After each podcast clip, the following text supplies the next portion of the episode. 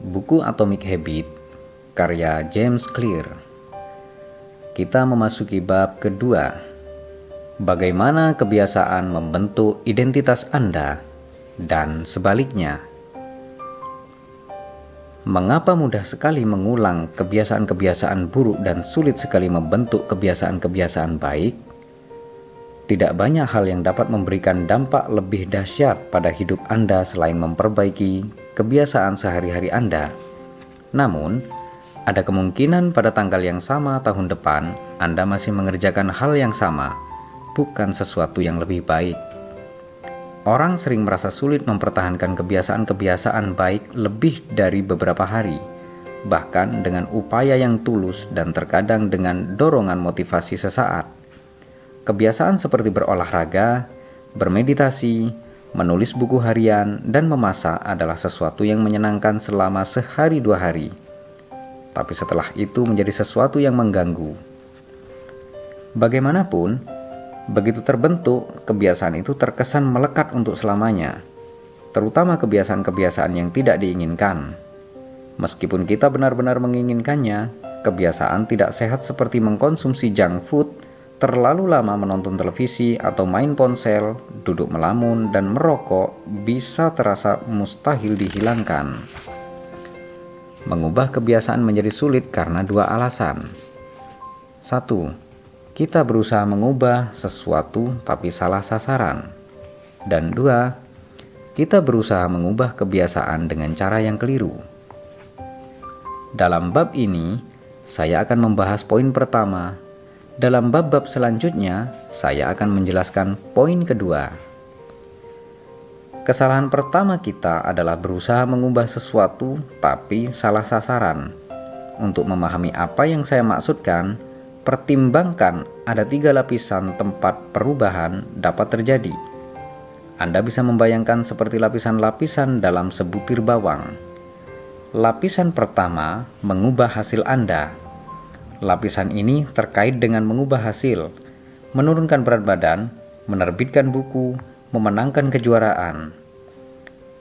Kebanyakan sasaran yang Anda tetapkan berhubungan dengan lapisan perubahan ini. Lapisan kedua adalah mengubah proses Anda. Lapisan ini terkait dengan mengubah kebiasaan dan sistem, menerapkan rutinitas baru di tempat olahraga, merapikan meja kerja supaya aliran kerja lebih baik, mengembangkan latihan meditasi. Kebanyakan kebiasaan yang Anda bangun terkait dengan lapisan ini. Lapisan ketiga dan paling dalam adalah mengubah identitas Anda. Lapisan ini terkait dengan mengubah keyakinan, pandangan Anda tentang dunia, citra diri Anda, penilaian Anda terhadap diri sendiri dan orang lain, sebagian besar keyakinan asumsi, dan kecenderungan yang Anda pegang terkait lapisan ini, hasil adalah hal-hal yang Anda dapatkan, proses terkait dengan apa yang Anda lakukan, identitas terkait dengan apa yang Anda yakini. Dalam hal membangun kebiasaan-kebiasaan yang lama, yang tahan lama, membangun sistem perbaikan satu persen, masalahnya bukan bahwa lapisan satu lebih baik atau lapisan buruk atau lebih buruk, daripada lapisan lain. Semua tingkat perubahan berguna dengan caranya sendiri-sendiri. Masalahnya ada pada arah perubahan. Banyak orang memulai proses pengubahan kebiasaan dengan berfokus pada apa yang ingin mereka raih. Ini mengantar kita ke kebiasaan berbasis hasil. Alternatifnya adalah membangun kebiasaan berbasis identitas. Dengan pendekatan ini, kita mulai dengan berfokus pada kita ingin menjadi sosok seperti apa Bayangkan, dua orang sedang berusaha berhenti merokok. Ketika ditawari rokok, orang pertama menjawab, "Tidak, terima kasih, saya berusaha berhenti." Kendengarannya seperti jawaban yang masuk akal, padahal orang ini masih percaya bahwa dia adalah perokok yang sedang berusaha melakukan hal lain. Dia berharap perilakunya berubah sembari membawa keyakinan yang sama. Orang kedua menolak dengan berkata, "Tidak, terima kasih, saya bukan perokok."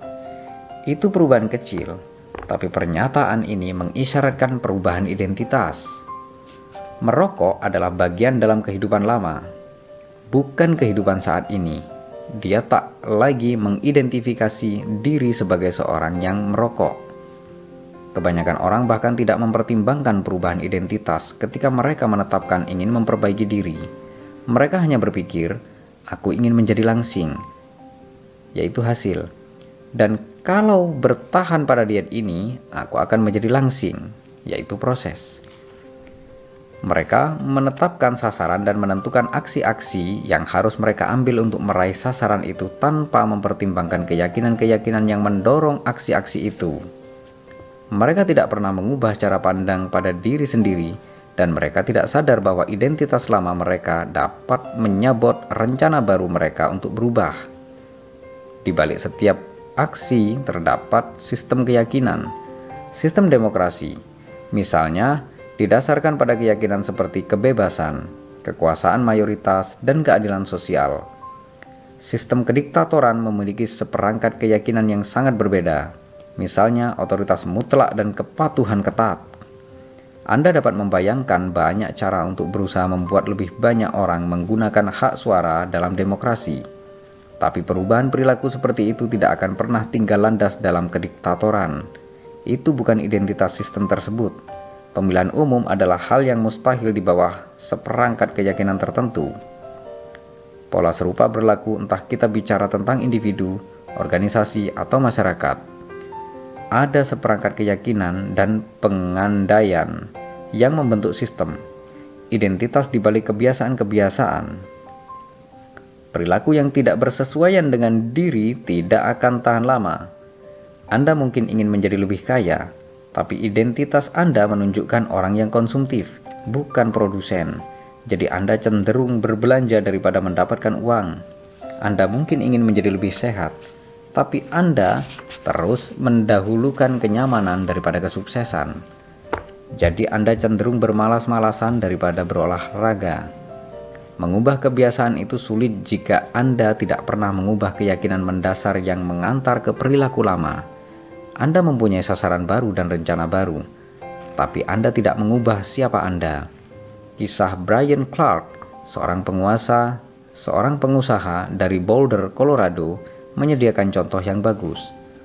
Selama yang dapat saya ingat, saya suka menggigit kuku, kata Clark kepada saya. Awalnya itu terjadi setiap kali saya gugup sewaktu kanak-kanak, lalu berkembang menjadi ritual yang sulit dihilangkan.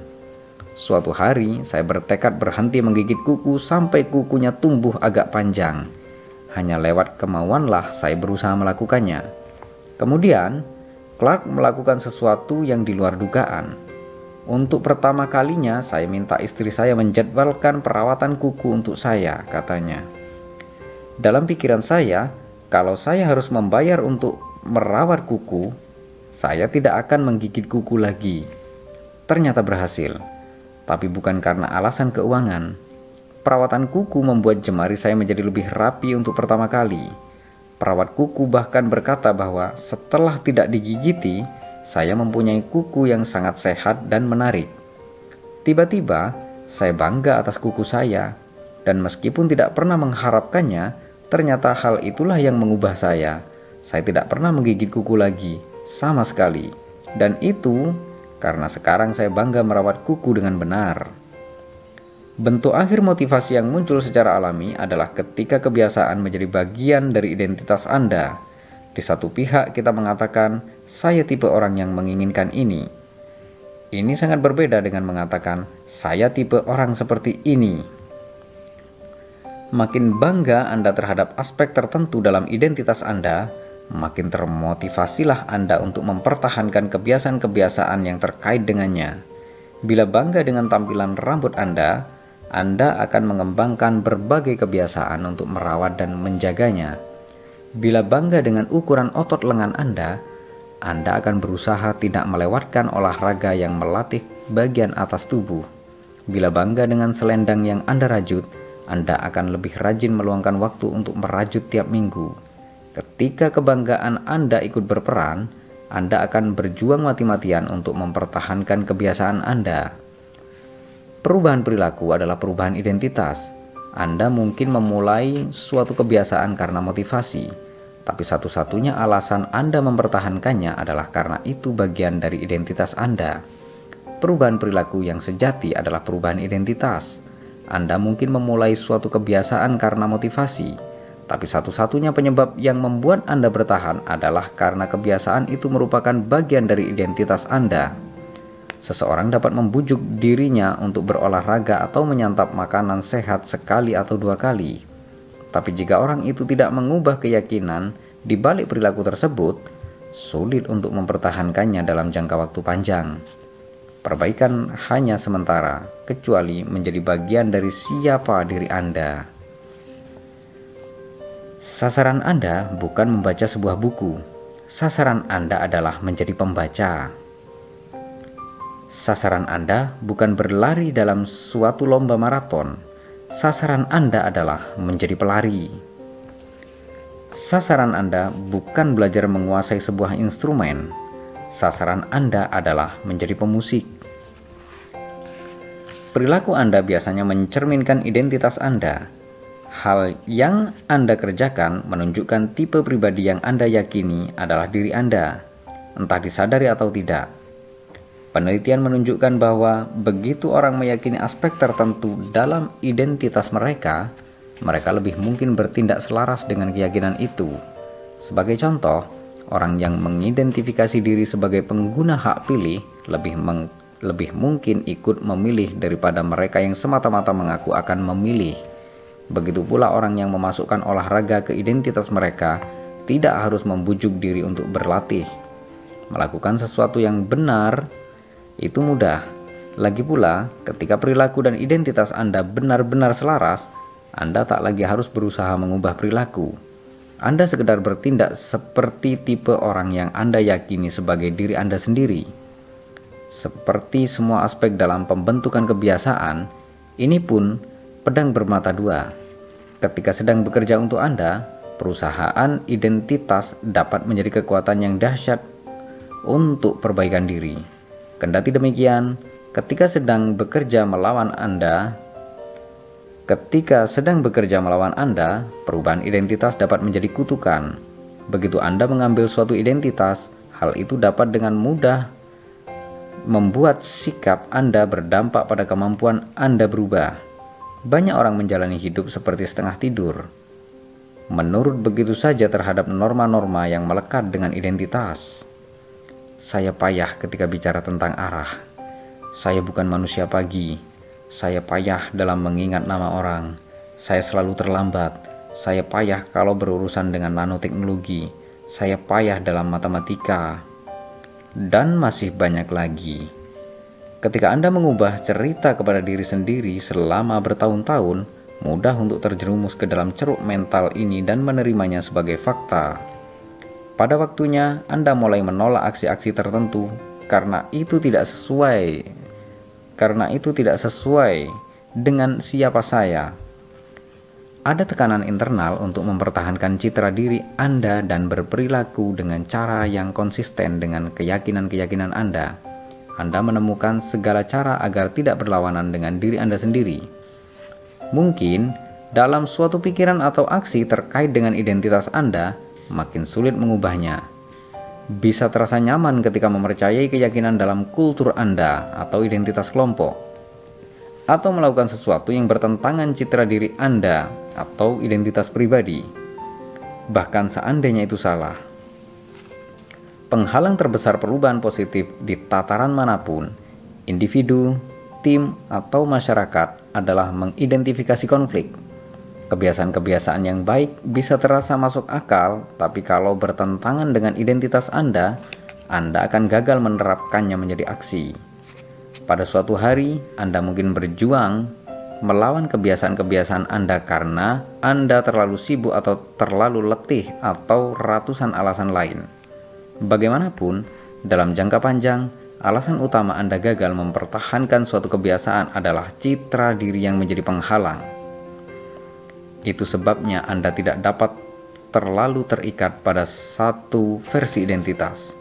Kemajuan menuntut pembelajaran ulang. Menjadi versi diri yang paling baik menuntut Anda terus-menerus mengedit keyakinan-keyakinan Anda dan meningkatkan serta memperluas identitas Anda. Ini mengatur kita ke suatu pertanyaan penting. Jika keyakinan dan pandangan Anda tentang dunia memainkan peran yang sangat penting dalam perilaku Anda, dari mana sesungguhnya asalnya? Bagaimana tepatnya identitas Anda terbentuk? Dan bagaimana Anda dapat menekankan aspek-aspek baru identitas Anda yang berguna bagi Anda dan pelan-pelan menghapus bagian-bagian yang menghambat Anda? Proses dua langkah untuk mengubah identitas. Identitas Anda berasal dari kebiasaan Anda. Anda tidak dilahirkan dengan keyakinan bawaan. Setiap keyakinan, termasuk tentang diri sendiri, dipelajari dan dikondisikan melalui pengalaman.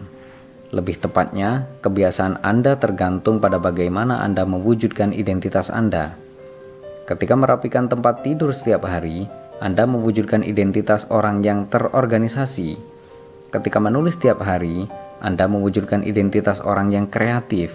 Ketika berolahraga tiap hari, Anda mewujudkan identitas orang yang atletis. Makin sering Anda mengulang suatu perilaku, makin sering Anda memperkuat identitas yang terkait dengan perilaku itu. Dalam kenyataan, kata identitas awalnya diturunkan dari kata Latin essentitas yang berarti ada dan identidem yang berarti berulang. Jadi identitas Anda secara harfiah adalah ada yang diulang. Apa pun identitas Anda saat ini, Anda hanya mempercayainya karena Anda memiliki bukti tentangnya. Kalau Anda pergi ke tempat ibadah selama 20 tahun, Anda mempunyai bukti bahwa Anda religius.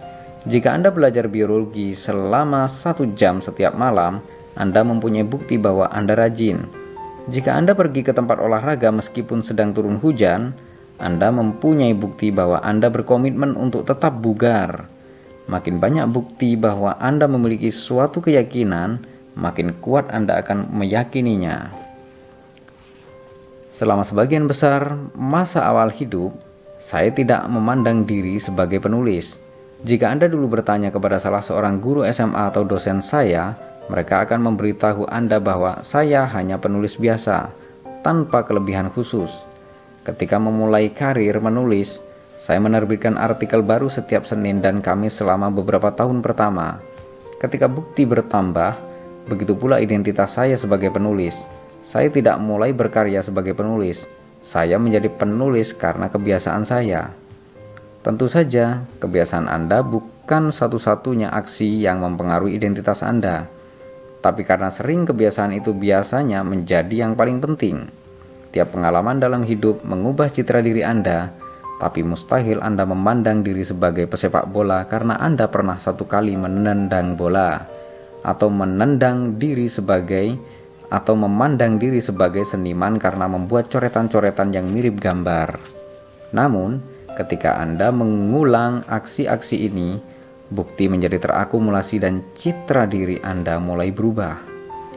Pengaruh pengalaman yang hanya satu kali cenderung memudar sejalan dengan waktu sementara pengaruh kebiasaan semakin kuat, yang berarti kebiasaan berperan paling banyak sebagai bukti yang membentuk identitas. Dengan cara ini, proses membangun kebiasaan sesungguhnya sama dengan proses menjadi diri sendiri. Ini evolusi yang bertahap. Kita tidak berubah dalam sekejap mata dan langsung menjadi orang yang sama sekali baru. Kita berubah sedikit demi sedikit, hari demi hari, kebiasaan demi kebiasaan kita terus-menerus mengalami evolusi mikro diri. Tiap kebiasaan berfungsi seperti saran. Hai, mungkin inilah saya. Bila Anda menyelesaikan satu buku, barangkali Anda tipe orang yang suka membaca. Bila Anda pergi ke sasana kebugaran, barangkali Anda tipe orang yang gemar berolahraga. Jika Anda berlatih bermain gitar selama Anda tipe orang yang menyukai musik, setiap aksi yang Anda ambil sama seperti suara pendukung untuk tipe orang yang menjadi cita-cita Anda. Tidak ada peristiwa tunggal yang akan mengubah keyakinan Anda, tapi ketika dukungan terbangun, begitu pula bukti untuk identitas baru Anda. Ini satu alasan perubahan yang bermakna tidak memerlukan perubahan yang radikal. Kebiasaan-kebiasaan kecil dapat membuat perbedaan yang bermakna dengan menyediakan bukti untuk identitas baru. Dan bila suatu perubahan bermakna, perubahan itu sungguh besar. Itulah paradoks dalam membuat perbaikan-perbaikan kecil. Kalau kita rangkum, Anda dapat melihat bahwa kebiasaan adalah jalur untuk mengubah identitas Anda. Cara paling praktis untuk mengubah siapa Anda adalah mengubah apa yang Anda lakukan. Tiap kali Anda berlatih bermain bola, Anda seorang pemusik. Tiap kali Anda berlatih bermain biola, Anda seorang pemusik. Tiap kali Anda mulai berolahraga, Anda seorang atlet. Tiap kali Anda menyemangati karyawan Anda, Anda seorang pemimpin. Tiap kebiasaan tidak hanya mendatangkan hasil, tapi juga mengajarkan kepada Anda sesuatu yang jauh lebih penting: percaya pada diri sendiri. Anda mulai percaya, Anda sungguh dapat meraih hal-hal ini. Ketika suara yang mendukung bertambah banyak dan bukti mulai berubah, kisah yang Anda ceritakan sendiri juga mulai berubah. Tentu saja, cara ini juga bekerja ke arah yang berlawanan. Setiap kali Anda memilih menjalankan kebiasaan buruk, itu suara yang mendukung untuk identitas itu. Kabar baiknya adalah Anda tidak harus menjadi sempurna. Dalam setiap pemilihan selalu ada suara mendukung untuk kedua pihak. Anda tidak memerlukan suara mendukung yang bulat untuk memenangi pemilihan umum. Anda hanya memerlukan mayoritas. Tidak penting ketika ada beberapa suara yang mendukung perilaku buruk atau kebiasaan yang tidak produktif. Sasaran Anda cukup memenangkan mayoritas selama mungkin. Identitas baru memerlukan bukti baru. Bila terus menampilkan suara mendukung yang sama seperti yang biasanya, Anda akan mendapatkan hasil yang sama seperti yang biasanya. Kalau tidak, ada yang berubah. Tidak ada pula yang akan berubah. Proses dua langkah yang sederhana. 1. Putuskan tipe orang yang Anda cita-citakan. 2. Buktikan pada diri sendiri dengan kemenangan-kemenangan kecil. Pertama, putuskan tipe orang seperti apa yang Anda cita-citakan. Ini ada di tingkat mana pun, sebagai individu, sebagai tim, sebagai komunitas, sebagai bangsa. Apa yang ingin Anda bela? Apa prinsip-prinsip dan nilai-nilai Anda? Ingin menjadi orang seperti apakah Anda? Ini pertanyaan-pertanyaan besar, dan banyak orang tidak yakin harus mulai dari mana, tapi mereka sungguh tahu hasil macam apa yang mereka inginkan mendapatkan perut dan dada six-pack atau kurang mudah cemas atau melipat gandakan pendapatan, itu bagus. Mulai saja di situ dan runut ke belakang dari hasil-hasil yang Anda inginkan ke tipe orang yang Anda inginkan untuk mendapatkan hasil-hasil tersebut. Tanyakan pada diri sendiri, siapa tipe orang yang dapat memberikan hasil yang saya inginkan Siapa tipe orang yang mampu menurunkan bobot 20 kg? Siapa tipe orang yang berhasil menguasai bahasa baru? Siapa tipe orang yang berhasil menjalankan usaha rintisan yang sukses? Sebagai contoh, siapa tipe orang yang berhasil menulis buku? Mungkin dia sosok yang konsisten dan dapat diandalkan. Sekarang fokus Anda beralih dari menulis buku berbasis hasil menjadi tipe orang yang konsisten dan andal berbasis identitas. Proses ini dapat mengantar ke keyakinan-keyakinan seperti Aku tipe guru yang membela kepentingan murid. Aku tipe dokter yang menyediakan waktu dan empati yang dibutuhkan pasien. Aku tipe manajer yang memajukan bawahan. Begitu berhasil memegang tipe orang yang ingin Anda capai, Anda bisa mulai mengambil langkah-langkah kecil untuk memperkuat identitas yang dikehendaki. Saya punya teman yang berhasil menurunkan berat lebih dari 50 kg dengan bertanya pada diri sendiri, apa yang akan dilakukan oleh orang yang sehat? Sepanjang hari, ia menggunakan pertanyaan ini sebagai panduan. Apa yang akan dilakukan oleh orang sehat? berjalan atau naik taksi? Apa yang akan dipesan oleh orang sehat? Burrito atau salad? Teman saya membayangkan bahwa seandainya ia berperilaku seperti orang sehat dalam jangka waktu yang cukup lama, akhirnya ia akan menjadi orang itu. Ia benar. Konsep kebiasaan berbasis identitas merupakan pengantar pertama kita ke tema pokok lain dalam buku ini. Lingkaran umpan balik, feedback loop, Kebiasaan Anda membentuk identitas Anda, dan identitas Anda membentuk kebiasaan-kebiasaan Anda. Kita berada di jalan dua arah. Pembentukan semua kebiasaan adalah lingkaran umpan balik atau konsep yang akan kita gali lebih dalam di bab mendatang. Tapi yang penting adalah membiarkan nilai-nilai, prinsip-prinsip, dan identitas Anda merekah dan identitas Anda menggerakkan lingkaran itu, bukan hasil-hasil Anda. Yang harus selalu difokuskan adalah menjadi tipe orang, bukan hasilnya sendiri. Alasan sesungguhnya mengapa kebiasaan itu penting. Perubahan identitas adalah kiblat untuk perubahan kebiasaan. Bagian lain buku ini akan memberi Anda petunjuk selangkah demi selangkah tentang cara membangun kebiasaan yang lebih baik dalam diri sendiri, keluarga, tim, perusahaan, dan di mana pun yang Anda inginkan. Namun pertanyaan yang sejati adalah, apakah Anda menjadi tipe orang yang Anda cita-citakan?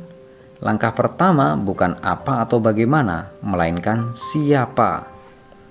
Anda perlu tahu ingin menjadi seperti siapakah Anda. Kalau tidak begitu, upaya Anda mencari perubahan akan seperti kapal tanpa kemudi.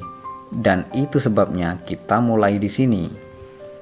Anda memiliki kekuasaan untuk mengubah keyakinan terhadap diri sendiri. Identitas Anda tidak terpahat pada batu. Setiap saat Anda mempunyai pilihan anda dapat memilih identitas yang ingin Anda perkuat setiap hari dengan kebiasaan-kebiasaan yang Anda pilih hari ini. Dan ini mengantar kita ke tujuan lebih mendalam buku ini serta alasan sesungguhnya mengapa kebiasaan itu penting. Membangun kebiasaan yang lebih baik tidak sama dengan mengotori hari Anda dengan kegiatan-kegiatan remeh. Tidak sama dengan membersihkan gigi tiap malam atau mandi air dingin tiap pagi atau mengenakan baju yang sama setiap hari tidak sama dengan membuat upaya-upaya eksternal yang sukses seperti mencari lebih banyak uang, menurunkan berat badan, atau mengurangi stres. Kebiasaan dapat memudahkan Anda meraih semua hal itu, tapi pada dasarnya itu tidak terkait dengan mempunyai sesuatu kebiasaan terkait dengan menjadi seseorang. Akhirnya, kebiasaan Anda penting karena memudahkan Anda menjadi tipe orang yang Anda inginkan Kebiasaan menjadi saluran yang memungkinkan Anda mengembangkan keyakinan terdalam tentang diri sendiri. Secara harfiah, Anda menjadi kebiasaan Anda. Ringkasan bab Ada tiga tingkat perubahan. Perubahan hasil, perubahan proses, dan perubahan identitas.